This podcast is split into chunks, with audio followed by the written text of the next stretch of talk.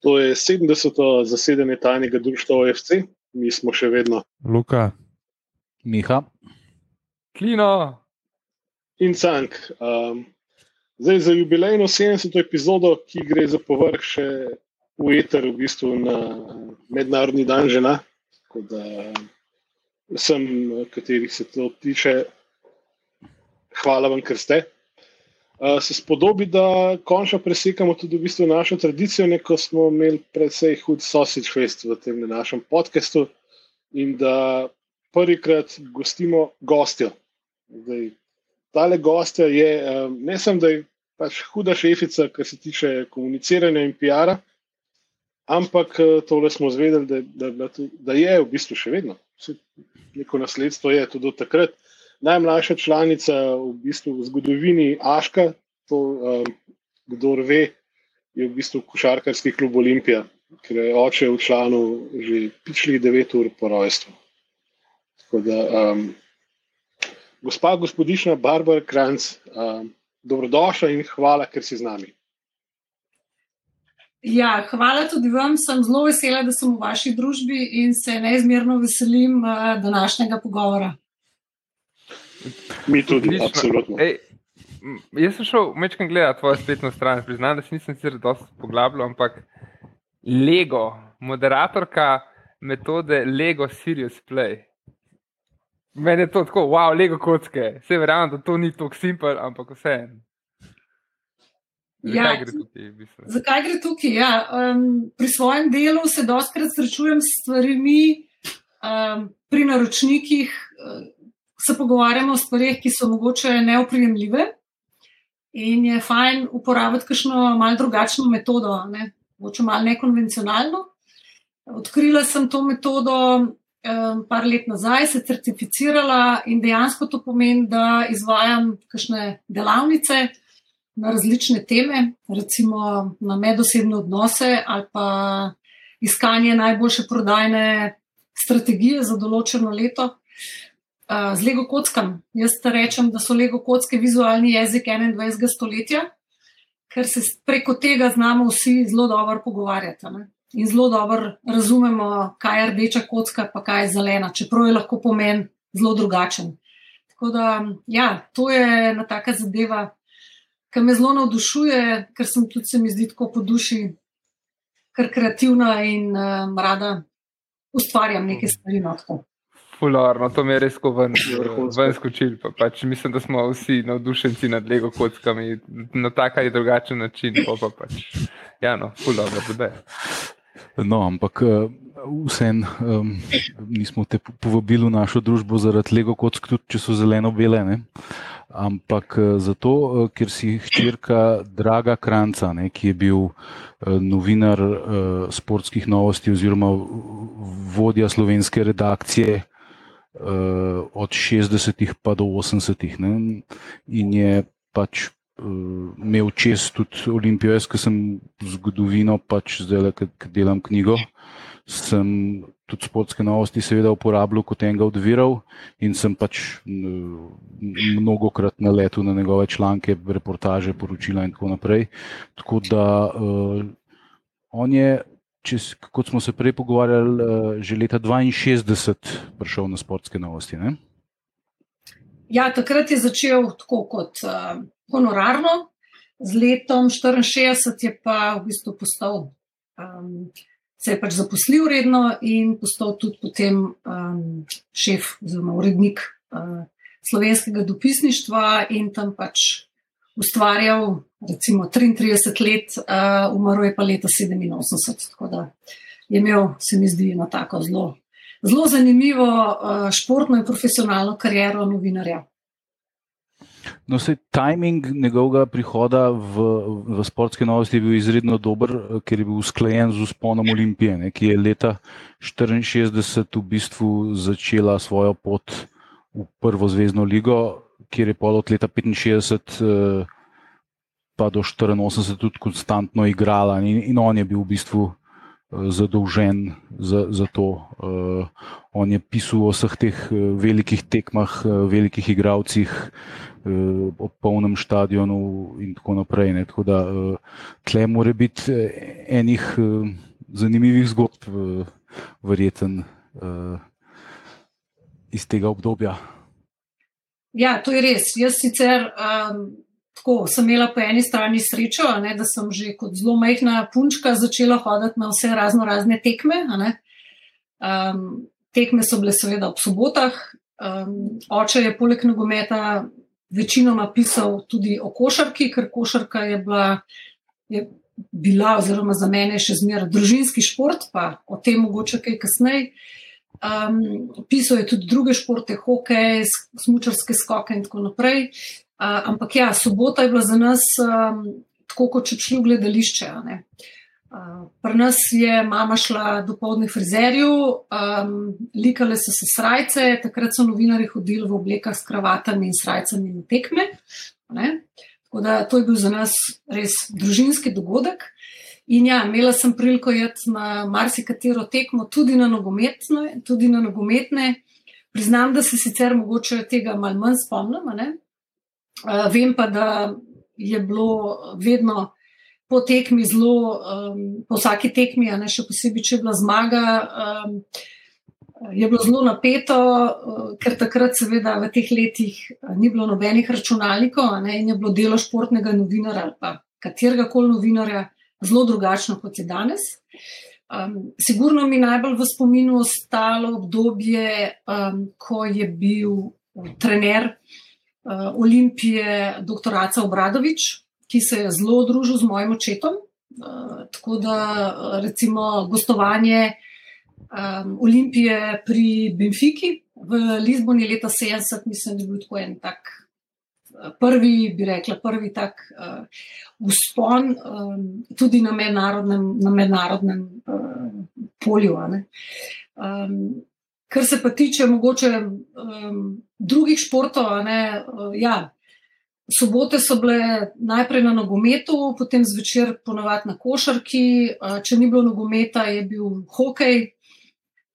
Tako da šport je bil moje življenje na nek način. Ne. In tudi, uh, tako kot ste me lepo v uvodu predstavili. Um, Ja, rojena sem bila 19. oktober, sred noči, In uh, devet ur potem je oče že upisal v košarkarski klub Olimpija, in naslednji dan je bila ta novica že med utrinki na športni strani dela. Tako da mislim, da sem um, svoje življenje v medije, v javnost, v komunikacije, mislim, da mi je bilo to vse nekako dano že obrojstveno. Jaz se tudi, kot smo prej rekli, v Dalmaciji ali pa kje v Grčiji bi rekel, da je bilo pa, pač 9 ur prepozane. Uh, Ampak, ja, se, koliko kol, kol se je pa še doma, uh, recimo, pogovarjal o športu? No? Oziroma, a, a se je še o čem drugem kot o športu sploh pogovarjal? V glavnem o športu morate vedeti, da recimo po vsaki taki tekmi ne, um, je bilo treba odeti pripraviti tisto prvo poročilo, ker so bili določeni. Um, Mislim, v slovenskem prostoru nismo bili vajeni, ampak um, recimo hrvaški, pa tudi srpski ne, časopisi so izhajali tudi v nedeljo. Ne. Tako da novinari, se pravi, najbolj pomembna stvar na, na, vsaki, na vsaki tekmi je bila, kje je prvi telefon. Ker je bilo treba leteti na telefon um, in je bilo treba oddati in uh, narekvati. Um, pač poročilo iz tekme. Ne. To je pomenilo, da je na drugi strani v Zagrebu, v športskih novostih, je, bila, je bilo eno ogromno, bil ogromen oddelek stenografk. To so bile res neizmerne dame in gospe, potrpežljive, ki so celo noč potem, oziroma ki so pač mogle imeti nočno službo, ne zmeri, da so sprejemale um, nervozne novinarje, klice um, in potem, da so oni diktirali ta pač poročilo iz tekme in zato, da je lahko pač zadeva potem išla naslednji dan. Ponovadi, ko se je to, ko je oče to vse opravil, um, so pa potem šli še se malo poveseliti, ne, um, ali pa na kakšne večerje še z klubi oziroma z, z ekipami. Tako da mene so ponovadi um, odpeljali domov spat ali pa k babicam, mama pa oče spat. Pa, sta se pa še veselo družila, tako da, tako da so bile. Vikendi so bili zelo burni, ampak definitivno, ja, šport je bil zmeri a, prvi in edini, bi rekla, a, na tapeti doma, ker je bilo treba pokomentirati ne samo Olimpijo, treba bilo pokomentirati tudi a, beograjske klube. Jaz sem bila velik fan in sem še recimo Hajduka iz Splita, ker sem tudi dol hodila na počitnice in na tekme. To mi je bilo, recimo, jaz na tekmo na polju, to ne. Tak highlight.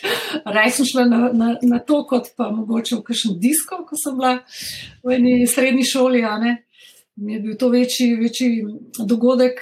Um, tako da, ja, definitivno, šport je bil vedno uh, in je tudi, uh, tudi zdaj, ko očeta in mame nimam več, ampak še vedno spremljam, manj hodim na tekme, priznam, ampak spremljam pa zelo. No, sej, um, um, recimo, ko smo že pri um, pr teh odnosih med uh, starši in njihovimi otroci, uh, en, eno, eno zanimivost, eno rariteto imaš ti v svoji posesti, namreč pismo mame od Braneta Oblaka. Ne? Ki se pritožuje nad tem, kako poročajo o sportskih novostih o, o, o njenem sinu. Ja, to je pa res. Eh, zdaj, ki sem se pripravljala na ta naš pogovor, ne, sem, eh, sem šla po škatle z arhivom in sem med drugim najdela tudi pismo, uh, datirano 23. august 1972, kjer um, sicer piše Branetova mama. Ne, tako da pismo je natipkano na, pisalni stroj in v njem gospa piše tovariš Ukrajincem, takrat, takrat so se tako naslavljali. Um, in začne pa tako, ne? upam, da boste športno prenesli to, kar vam bom povedala. Vaše pisanje je mnogo bolj teatralno kot Branetov prijem za glavo, ker je zgrešil vratnico. Vem, da Brane ni prvi, ki se je po zgrešenem cilju prijemal za glavo, celo po tleh so se že metali igralci. Vem pa tudi, da do sedaj, razen vas, še ni nihče pisal, da je taka reakcija igralca teater. Če pa vi smatrate, da je bila reakcija Braneta teater, potem pa ne zamerite, da vam povem, da ste popolnoma zgrešili poklic, ker ste sprejeli službo športnega poročevalca, mislim, da bi se bolje odrezali v povlihi. Tovariš kraj, bodimo odkriti. Če vi Braneta ne marate, dajte mu mir, Kot vidite, vas tudi on pusti pri miru. Če bi ga s takim pisanjem radi uničili, je prepozno. Pišete, da se jezi, on se pa prav nič ne jezi na vas, ker ve, da je to vaš poklic, da si s tem čvekanjem služite denar. On pa z nogometom, spoštovanjem Branetova mama. Ja, to je, to je bi rekla, taka rariteta. Uh, jaz sem vam kar celo pismo prebrala. Um, Ker mislim, da, ja, da si zasluži uh, to minuto ali pozornost, kot smo za to porabili. Um, tako da tudi takrat so se uh, oče doskrat dobil pisance, pisma. Tako da um, čist po klasični poti, ne, tudi takrat so se uh, ljudje odzivali, ampak ta je ena taka bolj posebna, ja, to pa priznam.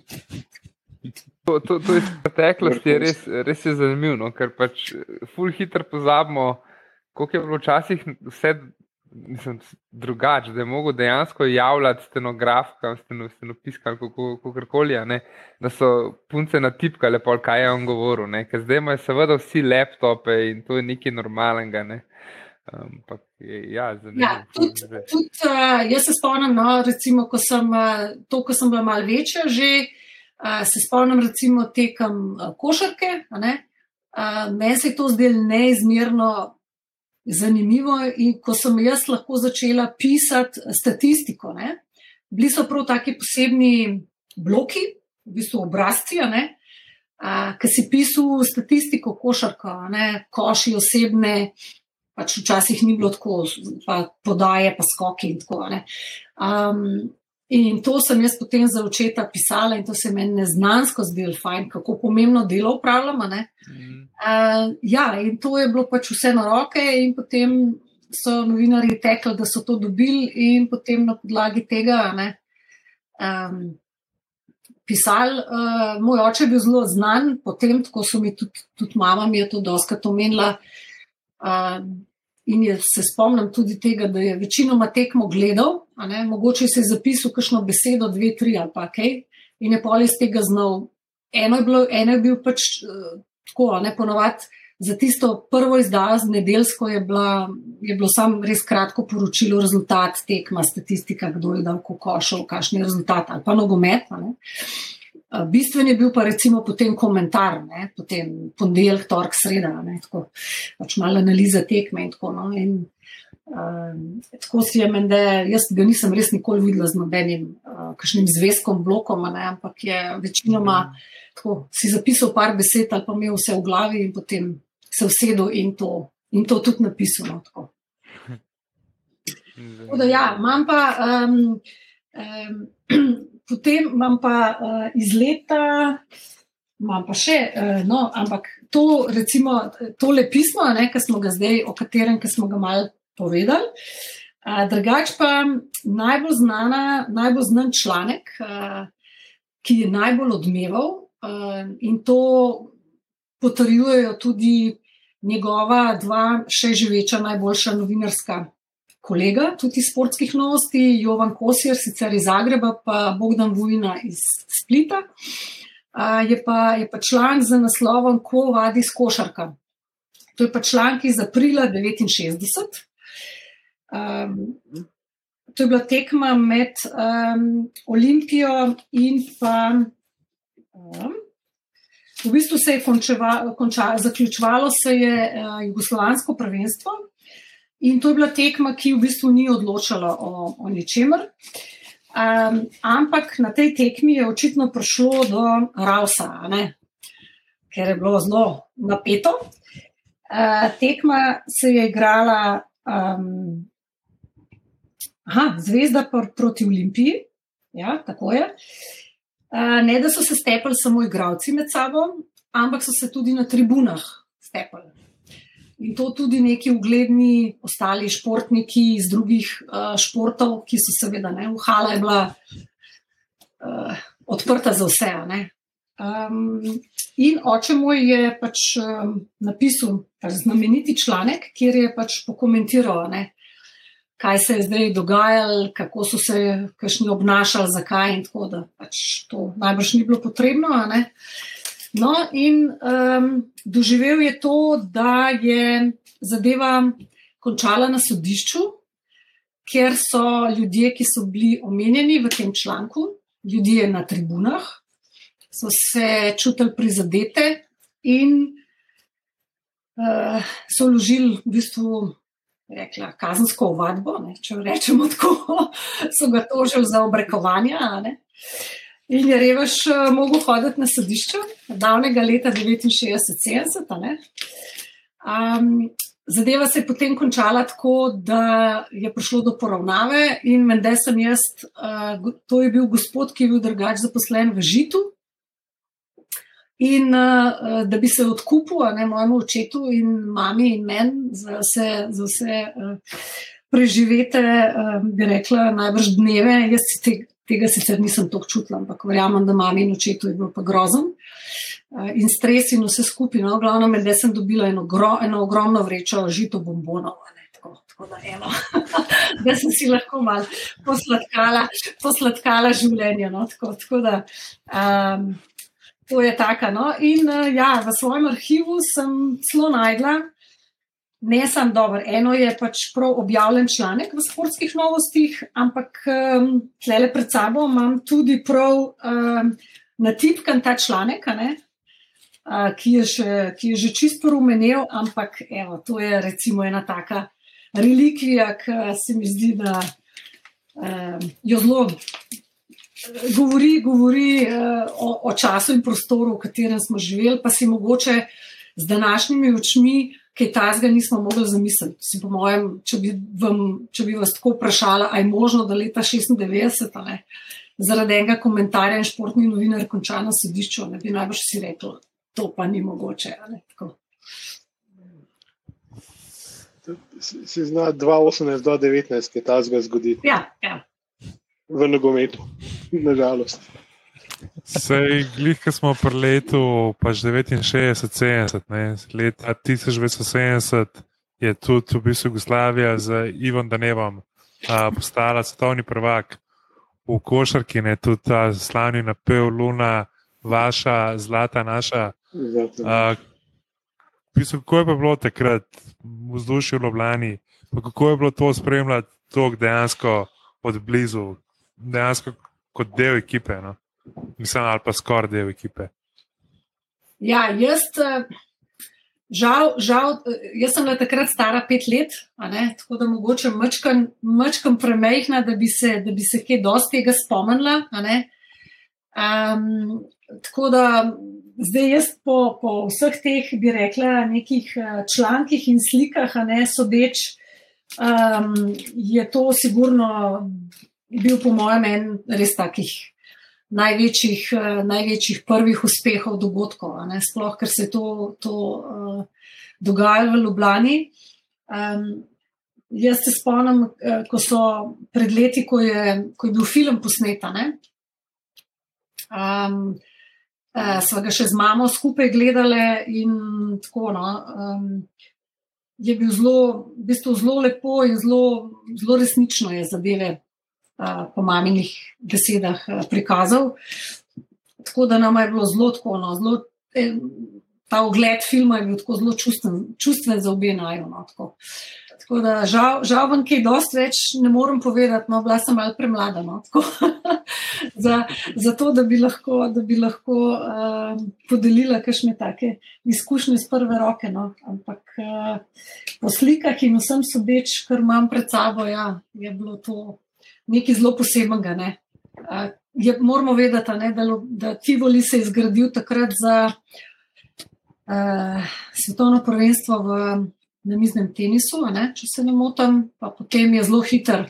Pa je bilo pol hokej, pa gimnastika, pa košarka. Ne, tako da, tako da ja, takrat je bilo res tak ogromen razcvet um, hale Tivoli, Ljubljana in športa.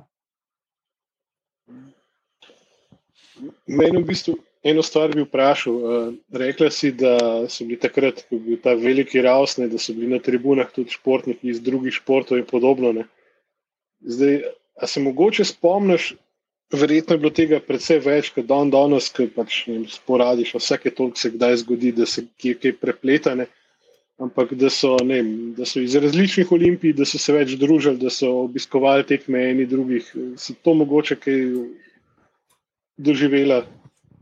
To pa, ja, to, pa, to pa sem doživela, absolutno. Uh, moramo vedeti, ne, da Hala Tivoli je bila takrat domicil številnim klubom. Ne. Pa hokej, pa košarka. Um, in uh, dober nogomet je bil na, za Bežigradom, ampak tako kot, sem, tako kot sem že prej rekla, ne, vsak odhod na tekmo ob sobotah je bil tako slavnostni dogodek. In dejansko na tribunah um, v Hali ne, si videl um, športnike različnih klubov, uh, ali so bili to nogometaši, ali so bili hokejisti. Hokejisti so itak prišli iz te velike v to malo dvorano, ne, ker so hokej ponovadi bil popovdne, zato da je zvečer bila košarka lahko v mali dvorani. Um, prišli so, seveda, tudi športniki iz drugih športnih panog, um, novinari, uh, politična srednja, gospodarska srednja. Tako da biti na tekmi ne, je bilo tako res pomembno. Takrat ni bilo ne Instagrama, ne Facebooka, ne, da bi se tam kazalo. um, uh, in takrat so se pač stvari dogajale v, v Hali Tivoli. Um, in tudi po tekmi, ko je bilo tekme konec, se je v dvorani še si pač, so, so pač starši, se spomnim, dobro, oče je pač šel in je, in je pisal, oziroma oddajal tisto prvo poročilo, ko je to naredil, se je vrnil, pa je šel v garderobe, pa je hitro pobral kakšno izjavo, ampak ko je bilo vsega tega konc, še vedno so ljudje bili v dvorani pred dvorano, tam se je pogovarjali, odšlo se je potem na večerje in se je o tem debatirali.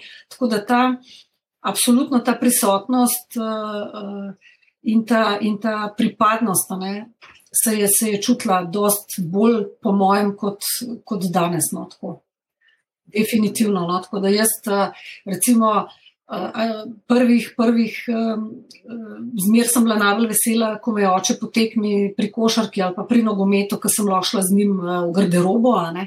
Pa sem zraven gledala igralce, ko je on tam kakšno izjavo pobral.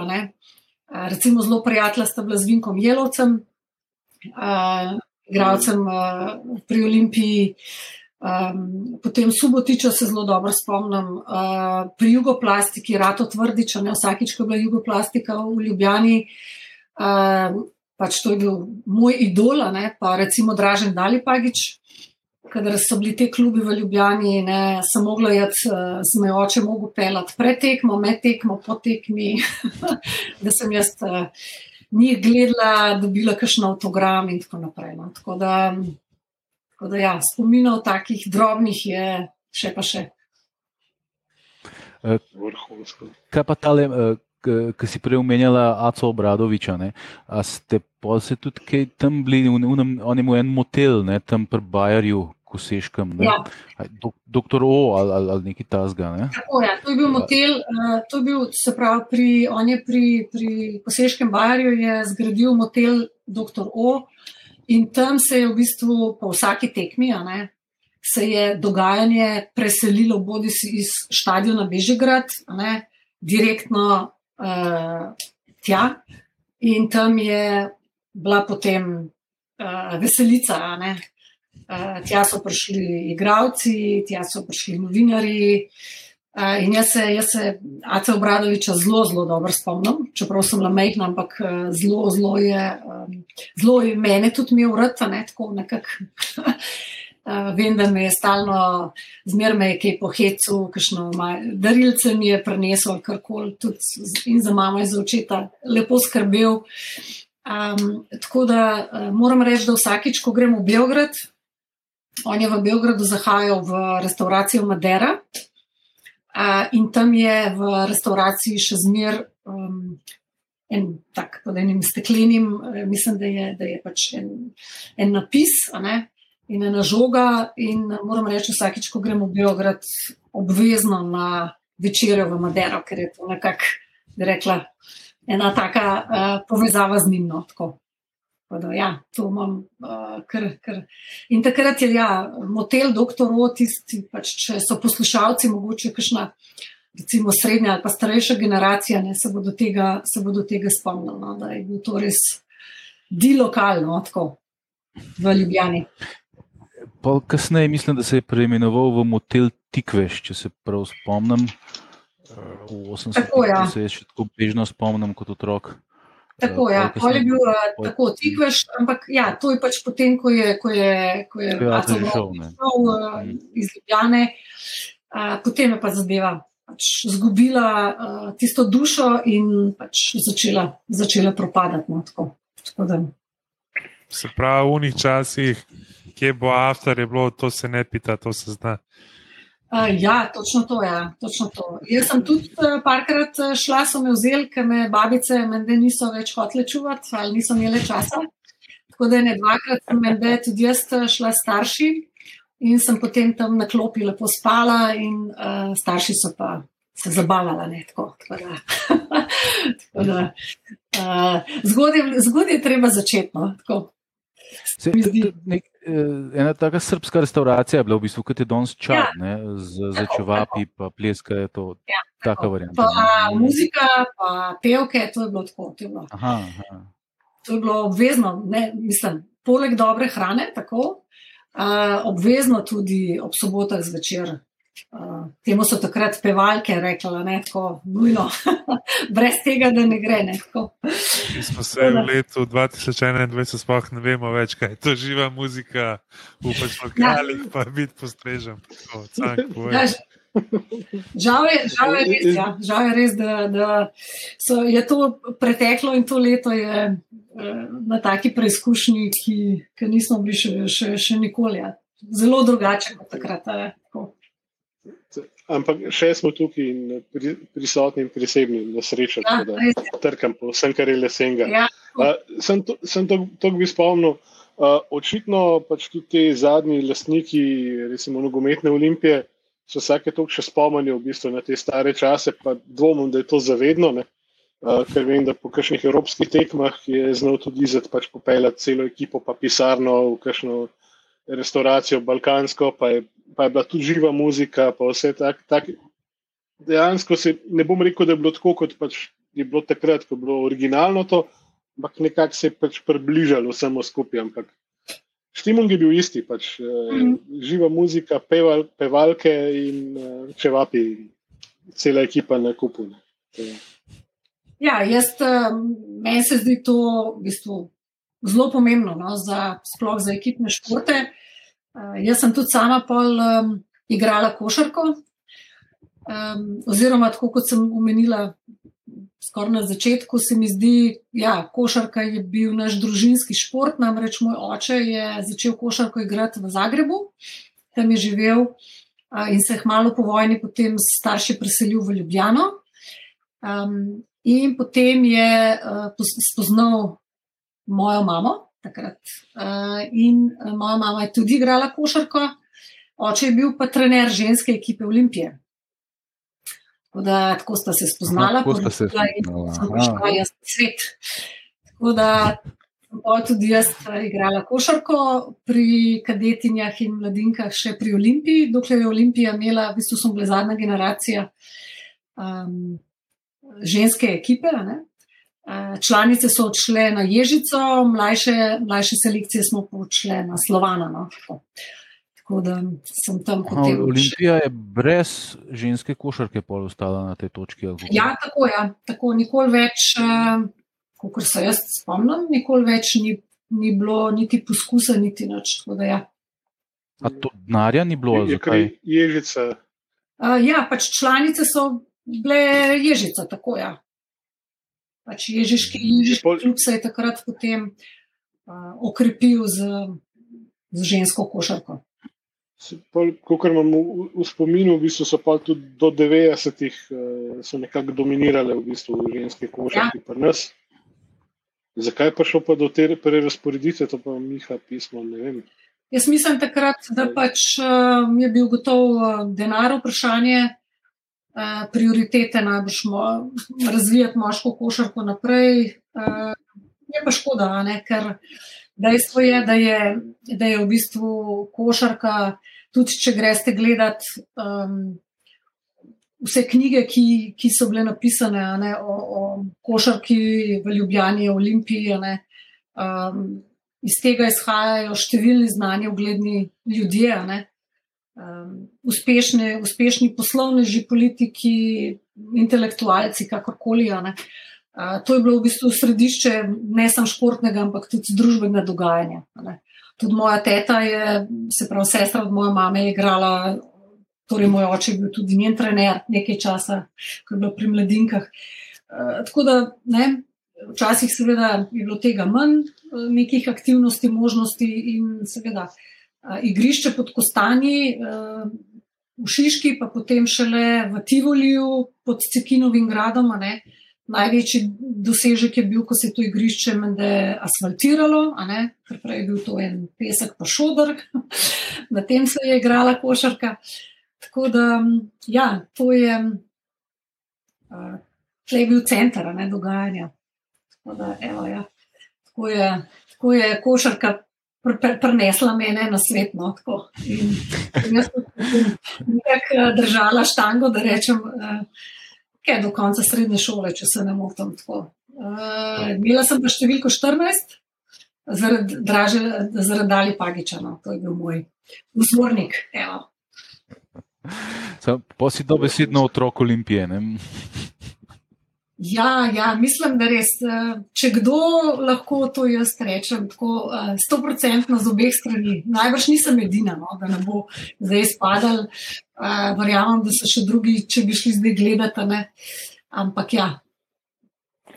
Pa, oče je, ne vem, a to veš, a oče že prej navijal za Olimpijo ali je pol pač zato, ker je poročal v njej, se zaljubil nekako? Ali...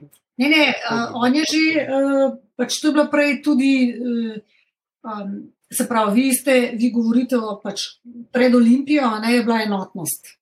Potem je paratala, potem je paratul, v bistvu, AŠK Olimpija, mhm. se pravi, atletski športni klub, ki je potem začel združevati različne, različne športne panoge. Da, seveda, in on je bil trener. Ne, on je bil trener, ja. ja, trener ženskih. Um, ni bil edini, bil je drugi ali tretji. Ja, tako, tako da, prvi je bil Nande, potem je bil um, oče, pa še, še na dva. No, tako, tako da, um, yeah. Ja, uh, to. Tako da, evo, to.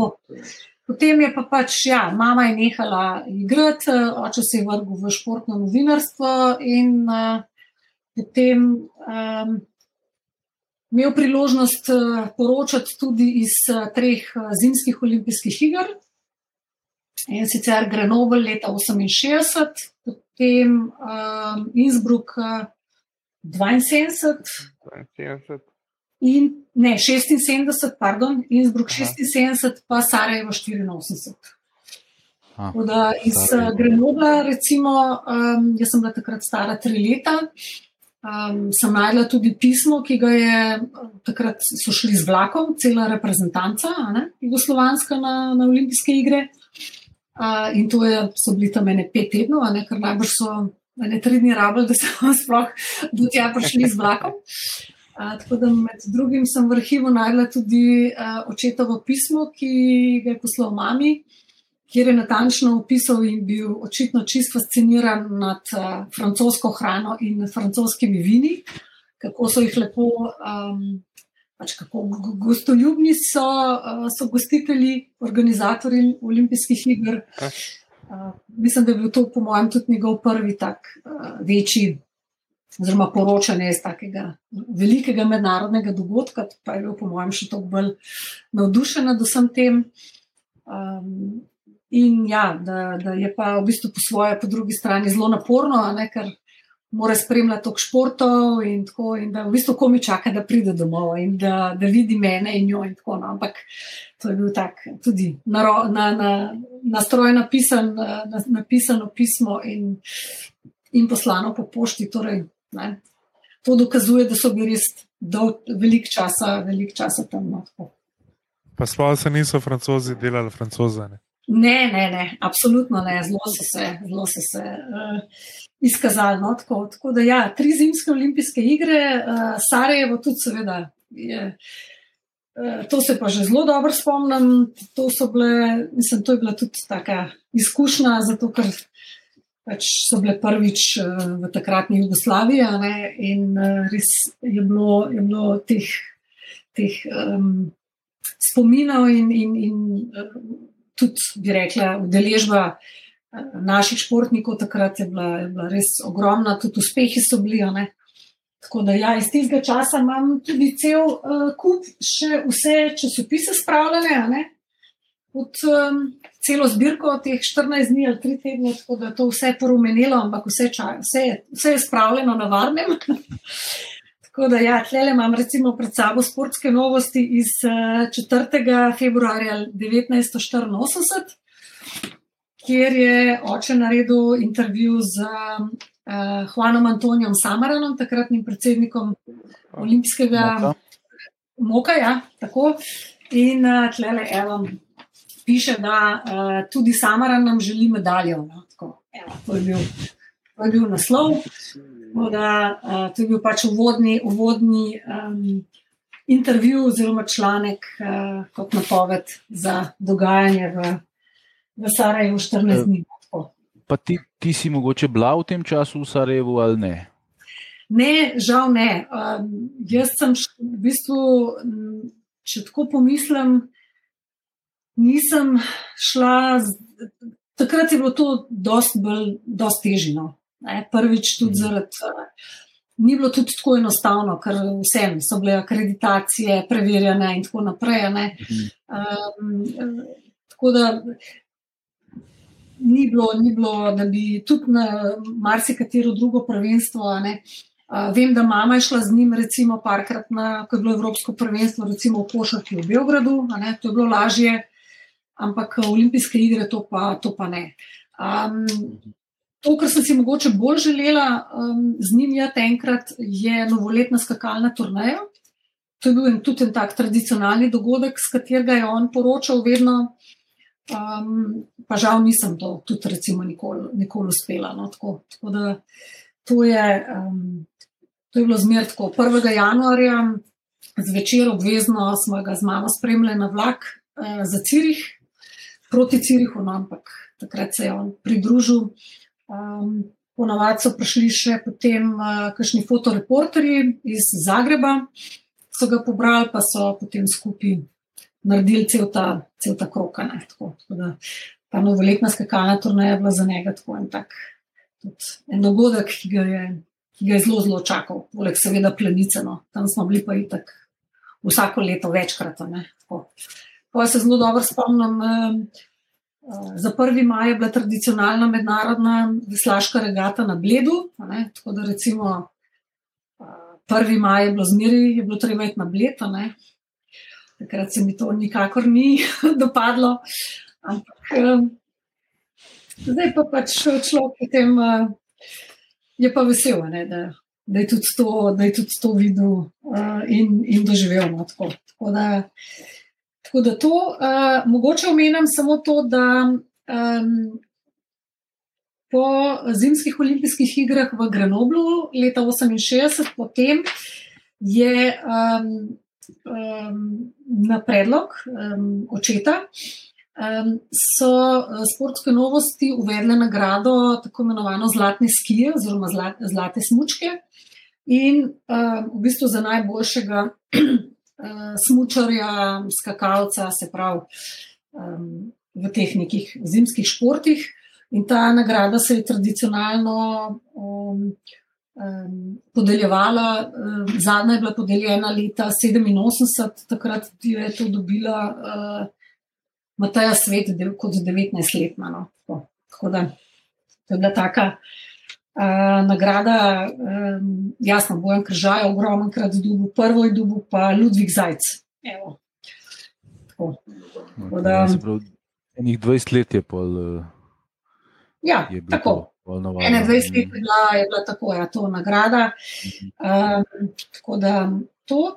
Pa mogoče omenjam še, uh, se pravi, po očetovi smrti um, so se v redakciji, oziroma v celotni, ja, rekla, ja, celotni redakciji v Zagrebu odločili in uvedli nagrado, um, imenovano po očetu, po Drago Krajcu, um, za najboljšega streljca Jugoslovanske košarkarske lige.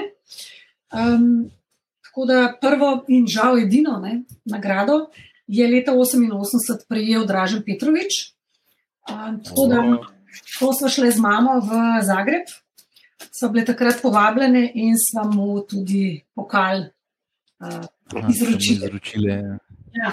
Pa se je pa žal, da je Jugoslovanska liga je žal razpadla in potem je tudi no, nagrada uh, se mogla posloviti. Bila več aktualna ni bilo več tako. Tako se ti kocine po koncu postavlja. Ja, Vse je mogoče, tega se pa mogoče malo bolj spomniš, ne, te košarke v 80-ih in te, reči, da, da jim reči, pač druge zlate generacije Jugoslavije. No. Pa vseh njenih uspehov. Ne. Ja, to pa, to pa definitivno. Ja. Spomnim se, spomnim se recimo okay, vse, te, vse te ligaške tekme, ki so bile v Ljubljani. Seveda, zmer je bilo to gostovanje, ne vem, zvezde, partizana, jugoplastike, to so bile res. Uh, tudi tudi skopske, skopske ekipe, ne, sem zdaj pozabila ime, ni lepo, ni lepo. uh, v glavnem, to so bile pač neke neke, neke tekme, ki je bilo res, mislim, mala dvorana je pokala po šivih.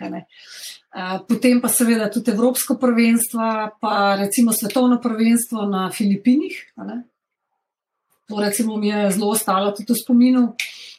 In ta res zlata generacija, ne Slavnič, Kičanovič, Dali Pagič, Čosič in še mnogi drugi. In ko sem leta, leta zatem šla na potovanje, potovanje po, po Aziji, me je pot zanesla tudi v Manilo. In tam v enem parku me je ugovoril mladenič in s kje sem. In jaz takrat sem bila še Jugoslavija, jaz rečem jaz Jugoslavija in on, oh, svetovni prvaki, ja, slovo, košarka in tako. In sem bila največja prijatelja milijonskega mesta. Tako da, uh, ja, evo, to, je, to so take zanimive. Um, sem pa bila no, tudi na, koš, na finalu Evropskega prvenstva, ko je Slovenija osvojila zlato medaljo. Ne. To sem pa, uh, ja, zadnja. Mhm. Uh, To sem pa, uh, vem, da sem polfinale gledala in že med polfinalom sem si rezervirala, ne, nisem šla sama.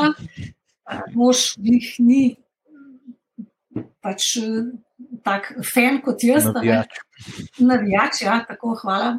Um, ko sem naslednji dan zjutraj mami povedala, da, da gremo v Istanbul, je rekla, no, to, to, to je samo tebi podobno.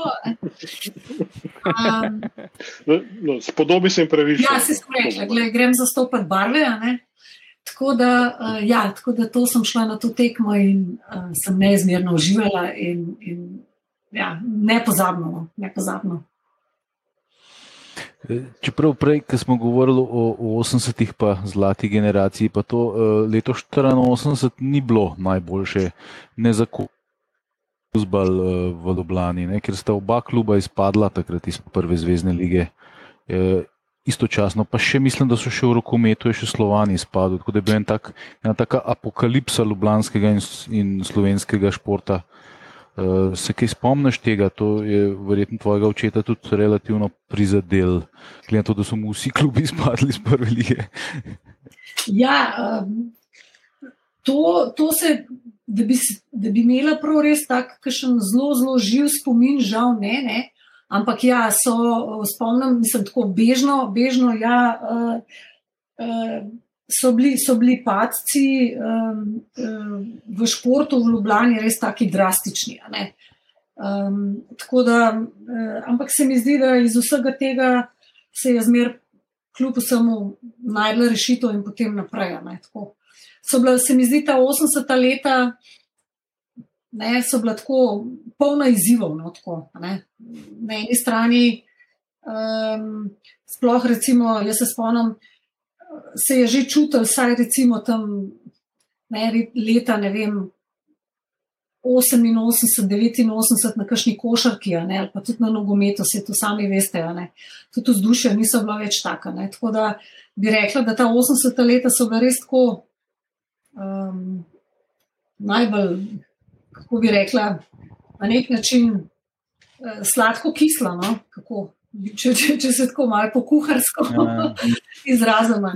No, tudi, tudi ta, iz, jaz se recimo iz, iz, spomnim te izredne inflacije v koncu 80-ih, ko je uh, vsak dan so bile druge cene, uh, ko je uh, praktično v štacunah je bilo vse, vsega zmanjkalo.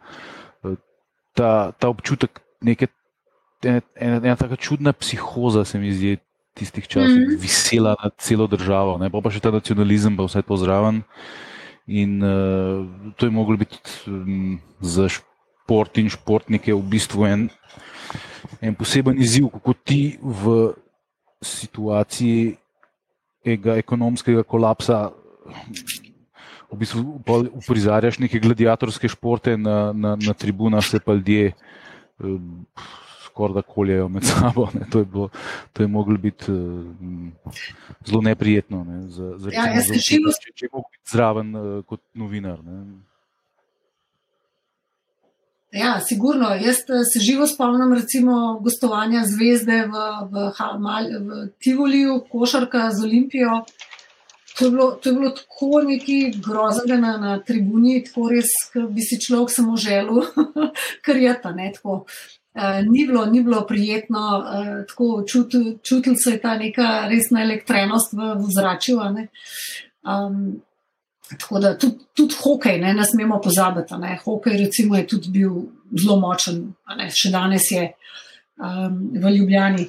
Uh, tam, mislim, hokej je sploh tak, bolj bi rekla, uh, športa, ne, kjer je fajterski, kjer so ti kontakti zmer blija ne, in je zmer mogli biti mal. Uh, nekega, nekega, nekih, nekih uložkov, ne, fizičnih, uh, v tem. Uh, tako da, ja, to, to se je, to se je sigurno, sigurno čutilo. Uh, mogoče sem to, da se, da se vrnem. Jaz sem mal, um, ker sem se javila tudi kolegoma, novinarskima od očeta, ki sta še živa um, v Zagrebu, v Splitu, mogoče sem z eno, z eno relacijo. Um, leta 70, ne, recimo, se je v Sloveniji povprečno prodal, to je bilo na dan, 64 tisoč izvodov športskih novosti. Wow. Leta, wow. leta 78, celi, za celo leto, je bilo prodanih pa 6 milijonov 800 tisoč izvodov. To, da imamo malo predstave. Um, kako so bili pomembni pač, časopisi, ne, da se je to bralo, da se je bilo treba kupiti, in tako naprej. In, um, čeprav so bile to 70 leta, ne, um, je moj oče z uh, takratnim uh, glavnim odgovornim urednikom, ki je redno prihajal v, v Ljubljano.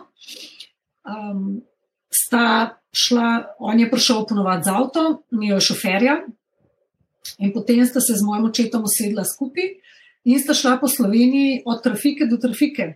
Ne? Da sta, sta izvajala osebne tržne raziskave in sta sprašvala, koliko pa jih prodajo, pa če dobijo, pa kdaj dobijo, pa če vse v redu, pa če so ljudje zadovoljni. Torej, zelo sta skrbela, oziroma ne, so se novinari sami potrudili. Um, in skrbeli tudi za ta del, bi rekla, komercialni. Tako, tako da, eh, evo, to sem sam tako mal, um, zdaj, zdaj en intermezzo, za en preskok sicer, no, ampak tako se mi zdi. Um, Mogoče za poslušalce zanimivo, ne, da, da zadeve postavimo v eno, v en drug, v ene druge dimenzije, v en drug kontekst. Poljem, poljem mogoče v kakšnih trafikah izpadal, da da je šel novinar tja, ki je mogoče padla prodaja. Da je kupil čike, da je še, da je še ene sportske zraven. Moraš še ene sportske zraven kupiti. Nujno, no. Ja, po mojem so bili takrat kar eh, rezervirane, ne? takrat, eh, ker so bili stalni, stalni kupci, po mojem, ne? takrat je bilo to tako. Ker si prišel, je te, po mojem, že kupče čakalo. Se to je tudi, eh, pač, recimo, poštejem, vidim še kaj pravi, da je tudi v, bistvu v ponedeljek stalo že, vem, že pol ure, preden se je odprla trafika, tam, da je lahko dubo sportske, da je pač prebral vse pač novice, pa je šel pa še v šolo. No, da, v bistvu je, spor, je najprej pač bral sportske, pa je šel pa še v puko. No, ja, to, to je res tako bilo, ja. to, to, se, to se strinjam. Ja, tako, tako da, mogoče sam, ki sem prej omenila hokej. No, uh, um, en dogodek, uh, ki, je, um, ki je bil tudi tako zelo, zelo takrat. To je bilo leta 77 in sicer svetovno prvenstvo v hokeju. Mislim, da je bila obe skupina v, na japonskem.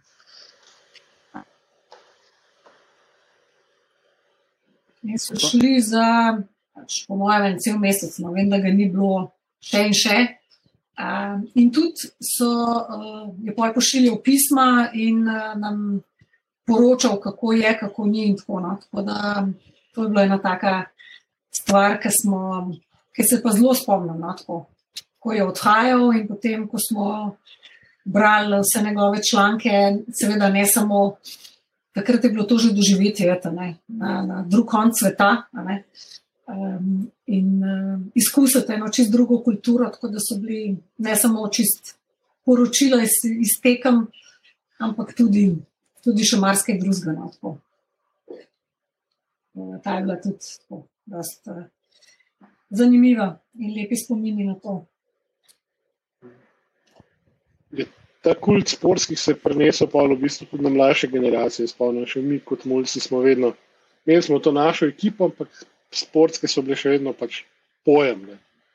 Ker s takimi številkami, ki si rekla, to se don danes no, noben še tako resen cajtank pri nas ne more pač uh, žal primerjati. Mislim, tudi, uh, bom rekel, spletni mediji imajo težave, da pridejo do pač teh številk. Razen Ja. enotnost, ki si je. Tako je, tako je. Shameless plug, v redu. Ja, seveda, vse, vse, vse v svojem času. Pač takrat, vemo, takrat smo imeli uh, televizijo, um, od začetka črno-belo, pa potem barvno. Eh, čez dva kanala najbrž. Eh, pa časopise, pa revije. ne. Tako da poleg sportskih novosti je bil še Beograjski sport, ki je bil um, zelo cenjen in zelo um, in zelo brana. Ne? Ampak ja, sportske novosti so bile, so bile v Sloveniji, mislim, res. Um, Rekla Biblija za, za šport in vse, kar, kar pa še zraven. Poleg, seveda, tudi uh, slovenskega, slovenskih uh, časopisov. ne. Ampak izključno posvečen športu, je bil pa so, so bile pa samo novosti. Sej pol, eh, nekje sred 70-ih, zdaj ne- vem točno iz glave, je tvojega očeta pri nogometni olimpiji kot dopisnik eh, zamenil Branko Vekič. Ja, tako je. Ja.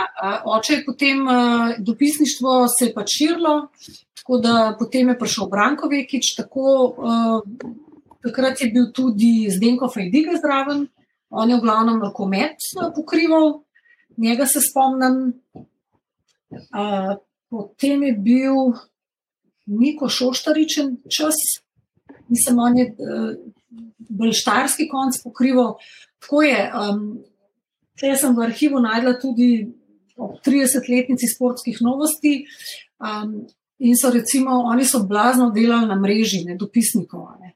Se pravi, ja, sej, bil je ta, ta glavna ekipa, ne, dopisništvo iz Ljubljane, se pravi, moj oče, Branko, pa vsi ostali. Potem, pa, potem pa se je zelo delalo na tej mreži dopisnikov, ki so bili, bi rekla, honorarni sodelavci. in se je zelo, zelo podpiralo to, ker če je bila pač izdaja bolj za slovenski, za slovenski trg, se je zelo delal na tem, da, da se je res pokrival zelo različne športe. ne. Moj oče vem, da je tudi, pa ni, ni, ni nikoli vozil avta, ni, še, manj, še najmanj motorja, ampak speedway, pa pol neke. To je bilo tudi, to je, to je prav, mislim, uživuje v tem. Ne, ne, ne dvakrat je še mene pelo na speedway, se je v redu, je, gremo pa na speedway. Ne, tako, o vseh športih res zelo so se trudili, da so pokrivali vse. ne. Če recimo danes primerjamo, če imamo kakšno, kakšen šport, ki ni, ki ni tako priljubljen, moramo prav zelo poiskati po medijih današnjih, ne, da najdemo, nek, da najdemo nek, neko mini novico, um, ki je kakšen rezultat objavljen. no, Tako, tako da, ja, to je recimo bilo včasih boljše.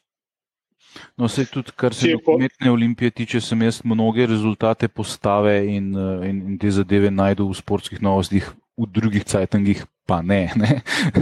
Tako da so bile, so bile zelo uh, uh, pedantne glede tega. Ne? Cank, povej. Ne, hotel sem reči, sem, uh, okay, že rezultate se pač težko najde, kakšen kratek članek, nekje še lepo, karkoli, kar ti vsaj malo domišljijo vzbudi, malo prečalo vzdušje, malo da tisti feeling, ne, kako je bilo tam na, na lokaciji. Drugač, ena zanimivost glede eh, famoznega Branka Vekiča, ne, ki ga poznamo, itak vsi, ki spremljamo futbol eh, in olimpijo. Ne, On mislim, da je do penzije v bistvu uh, še vedno pač uh, fural tisti uh, princip ne, telefonskega pogovora, medtem ko stenograf že davno ni več bilo v Zagrebu. Ne. Ja, najbrž je, najbrž je bilo tako. Je, je bil pač stara šola. Ne. ja, tako je. V bistvu mi je ful, žal, ful mi je žal, v bistvu, da tvoj oče, da je imel tak poseben način dela, da je vse v glavi. Ne? Ker to bi bilo, po mojem, nekih zapiskov, pa nekih uh, takih povzetkov, to bi bilo res zanimivo brati. Mislim, vse so članki, ampak eno so članki, drugo so pa misli nekoga, ko spremlja tekmo. Ko, Vse je mogoče bi bilo uh, bolj zanimivo, pa če samo par stvari napisal, kaj je dejansko napisal, veš, v, v mm. pač zvezek, kaj, kaj se mu je zdel tako pomembno, da mora napisati v, v zvezek noter. Ne? Ja, tisto, kar je bilo, tis, kar je bilo um, uh, kot sem rekla, ne, eno, so bila, eno so bila tista prva, prva poročila o tekmi, a ne rezultat, kašen je, recimo iz nogometa. Ne. To so bili res tako, se mi zdi, so v sportske novosti imele kar standard. Zmer je bilo, um, se pravi, rezultat, pa koliko je bilo gledalcev, po pa je bilo pa tretja vrstica, je bilo pa zmeri teren. Ne. Teren je bil pa, ne vem, razmerno To, to, to, to. Eh, razmočen, eh, primeren za igro, blaten, suho, ne, to pa vreme. Ne. Tako, v bistvu, to je bila tretja vrstica, stan, zlati standard. Uh, no, ampak, vreme je sunčano. Ja, ampak res. Teren je odličen. To, je, ja. to, to sem jaz s takim veseljem pisal, uh, ko je enka olimpija, pika kom bila še živa, pa je cela vrsta je bila ljudi, ki smo pisali pač ta poročila. Ne. In to nam je bil nekako tisti zlati standard, da smo pač pa potem od minute do minute, da je bilo, da je bilo vedno malo žmohta še zraven, da ni bilo samo to robno, ja, je šel, je strelil, da je to ampak vedno o terenu, vremenu in narediti zadevo zanimivo. Tako da, ja, to je, no. so kar standard postavili. Ja, ampak da se vrnem na te, te misli, pa te, te kratke zapiske, to je bilo pa potem ponovadi. Komentarji. Najprej je bil Flash v sredo, to je bila tedenska rubrika, kjer, bili, kjer je bil pač komentar ne, vsega tega, kar se je ponovadi za vikende dogajalo, pa še kaj se je vse v Hali dogajalo. Ne. Ker, tako kot smo se prej pogovarjali, ja, Hala Tivoli je, bila, je bilo mesto dogajanja. Ne. Družabnega, športnega in vsakršnega življenja. Ne? In tam dejansko si se usedel na plato um, in si samo s parimi se malo pogovoril in si, in si vse zvedel. Um, pa potem je bila pa tudi, zatem je bila pa tudi rubrika Novice iz Hale Tivolina. Tako da tle so bile potem vse take cvetke, odsvirki.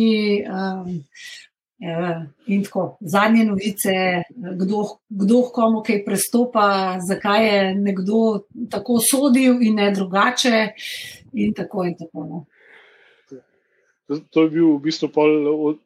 Uh, rubrika je bila za uh, tisti letni, legendarni letni bife. Ne? Tako je. Ja, letni bife je bil, je bil legendarni. Tam, tam, če si se tja usedel in si tam sedel ene dve, tri ure, a ne do povdne, si v bistvu uh, zvedel vse in še več. Ker tam do povdne po treningu so pač, ja, tako kot smo prej rekli, ne, so športniki iz drugih klubov oziroma drugih panok hodili na tekme en drugemu, ali ja, definitivno. Mhm. Tako so do povdne po, po teh prvih dopodanskih treningih uh, prišli tja ne? in, in tam se je potem debata razvila. Tako da, tako da ja, to so legendarni. Šum, šumi za umetnike. Ja, tako je. Ja, tako. Res je, res je.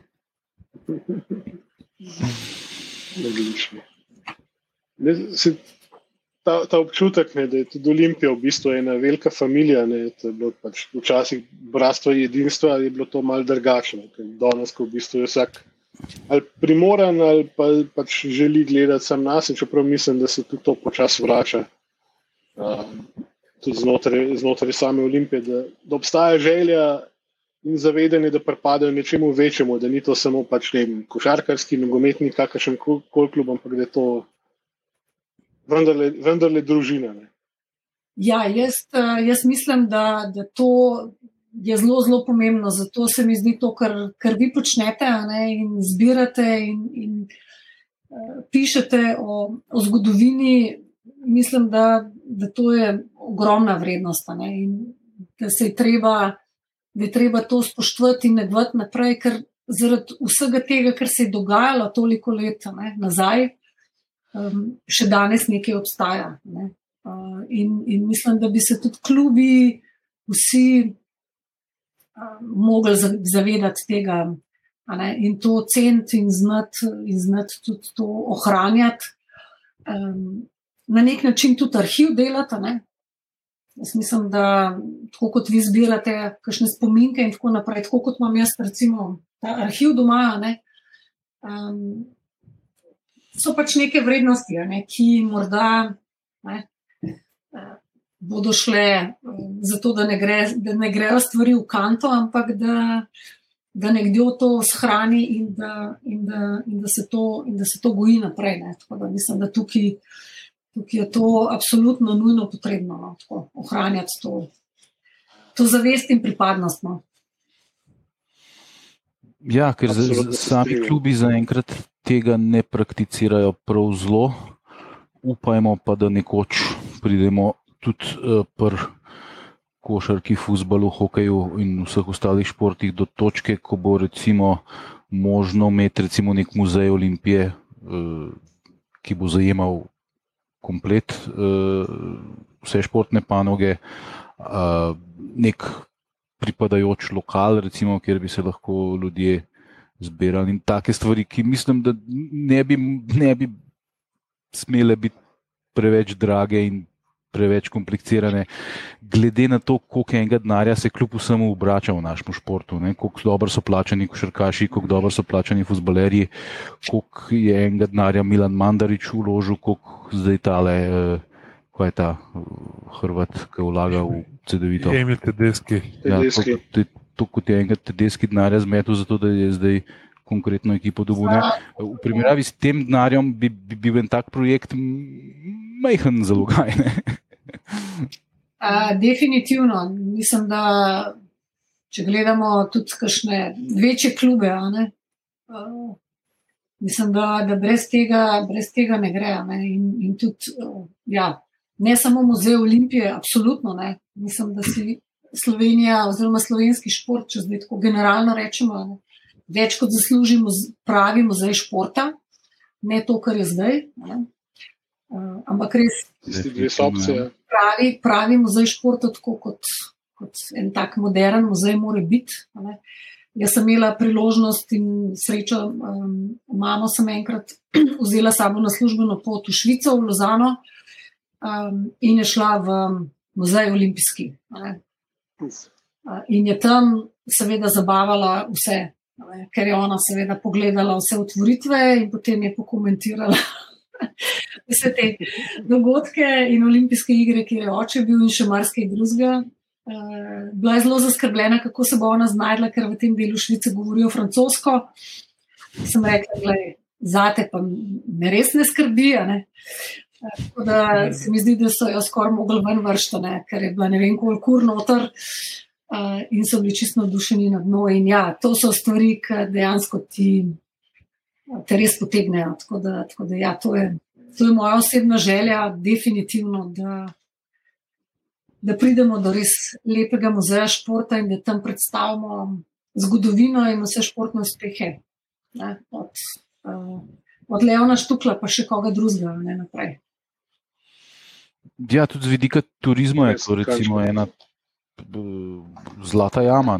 Ljudje, mislim, če sam sebe pogledam, pa takih ljudi, ki jih pač futbol, šport, karkoli zanima, pa hodijo po svetu, je ogromen. Jaz vedno, ko pridem v neko mesto, pač pogledam, kjer kljub je tam, pa njihovo štacuno.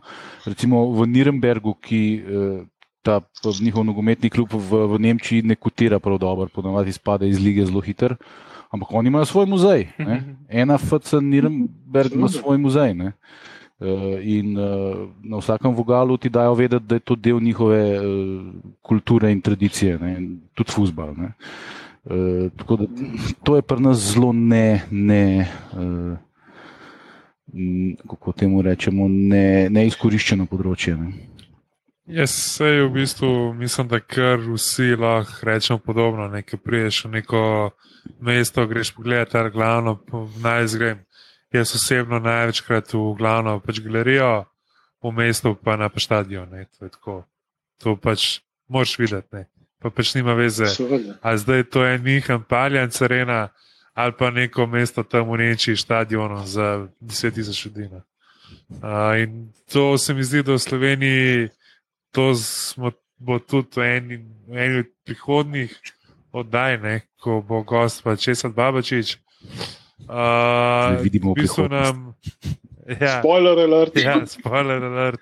Nam, bo, nam je v bistvu šport pa kultura, ki se treba slikati, vsi radi slikajo, ne, potem pa zelo, zelo hitro pač pozabijo na, na, Mhm. na to. Ne, ko, ko jim to ne more prenesti več nobenih točk, pa pač pozabijo na pač vse to. No. Sam jaz, jaz mislim, da, da mi mogoče to cenimo, ne, mogoče pa ne, ne cenijo tudi klubov ali pa vsega, kar so te klubi dosegali.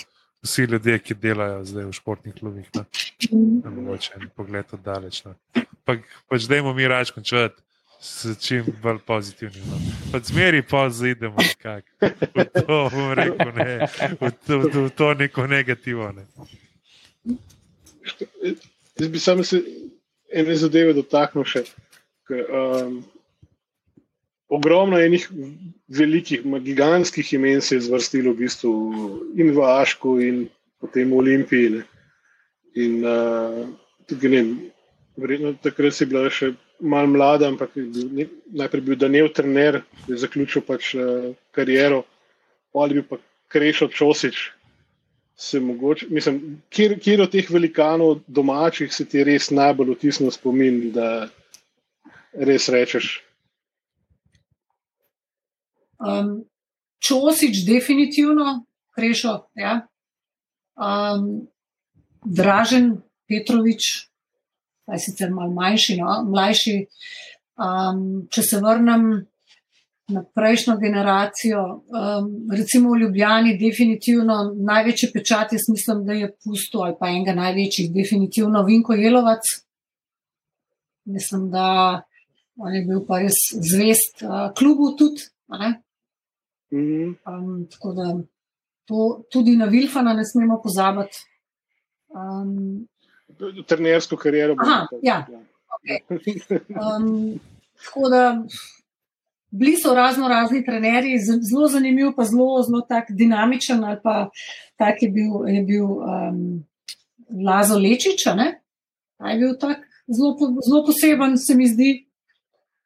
Uh, Ne poznamo Aha. na kratko, kaj, kakšno anegdoto ali kaj. um, makedonski, iz Makedonije prihajajo, tako majhen je bil, tako, tak, uh, to je bilo tako zmer, po pol igrišča je tekel, ga je bilo povsod.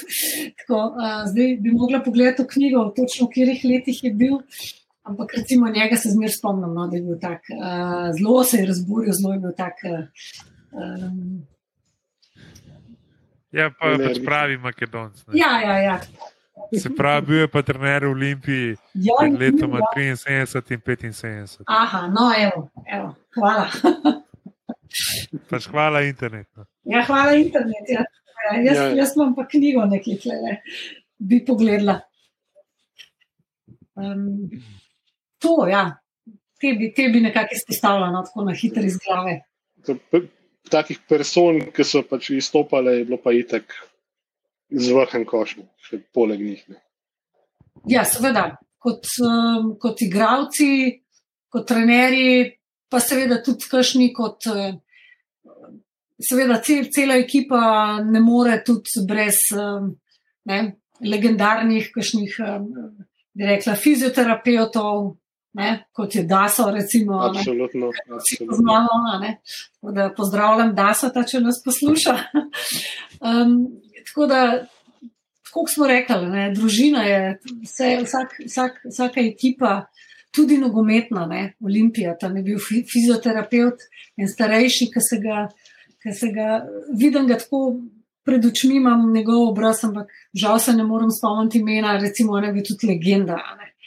V bistvu oseba, ki, ki je bila nekje v zadju, ampak brez, brez njega ne, ni bilo ekipe, oziroma ne, to, ta, ta povezanost, ta je bila res eh, tako. To je bila ta veličina. No, tako. Enotnost, a ne, to, to je fajn, eh, lepo ime, no, tako. Oziroma, da zaključimo. a ne. Tako, z razlogom. je, okay, to, to se je pa v bistvu preneslo tudi vem, v lahko rečemo zadnja leta, ko je Olimpija bila še v Euroligi, ko poslušamo zgodbice, kako so vsi od tistega, ki je rampo odprl, do receptorja, do ne vem koga, da so um, mal probali na finto vršiti razne Barcelone in podobne, da so jih mal stira vrgli, da so pa naši fanti v tisto prepolni, prešvicani, gl najbolj glasni dvorani, kar je možno, pač usul vse evropske velikane in upimo, da še kdaj to doživimo. No. Ja, to bi si tudi jaz želela, ja, da, bi, da bi se spet vrnili uh, na kakšen parket mednarodni ne, in kakšne, kakšne večje uspehe dosegali. Da, ja, treba, si, treba imeti res veliko željo, pa trdo delati. To, jaz mislim, da to pa, to pa velja za, in za šport, in za, in za karkoli drugega počnemo v življenju. Ne tudi to, kar vi počnete, ne, delate za dušo, srcem, ste zraven in, in to je to. Ja, hvala. hvala lepa za, za prijazne besede. Uh, hvala, hvala za vabilo, super, super je bilo. Hvala, ja, res hvala. Odlično je bilo. Pa še naprej lep dan, že na. Ja, čez. Ja. Pa, Ja, to, to, pa se vidimo, se vidimo, upam, da se vidimo v kratkem na, na kakšni tekmi, no, če ne energije ali, ali futbol, ali pa tudi košarka, hokej.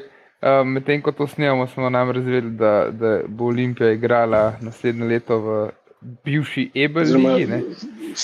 V Sloveniji je prepovedana stavnica hokej ligi. Ne? Ligi, ja, tako, tako da um, tudi tam, ne, definitivno. No, odlično. Pa, uh, ja, se vidimo na tekmi, ja, tako. tako. Tako je.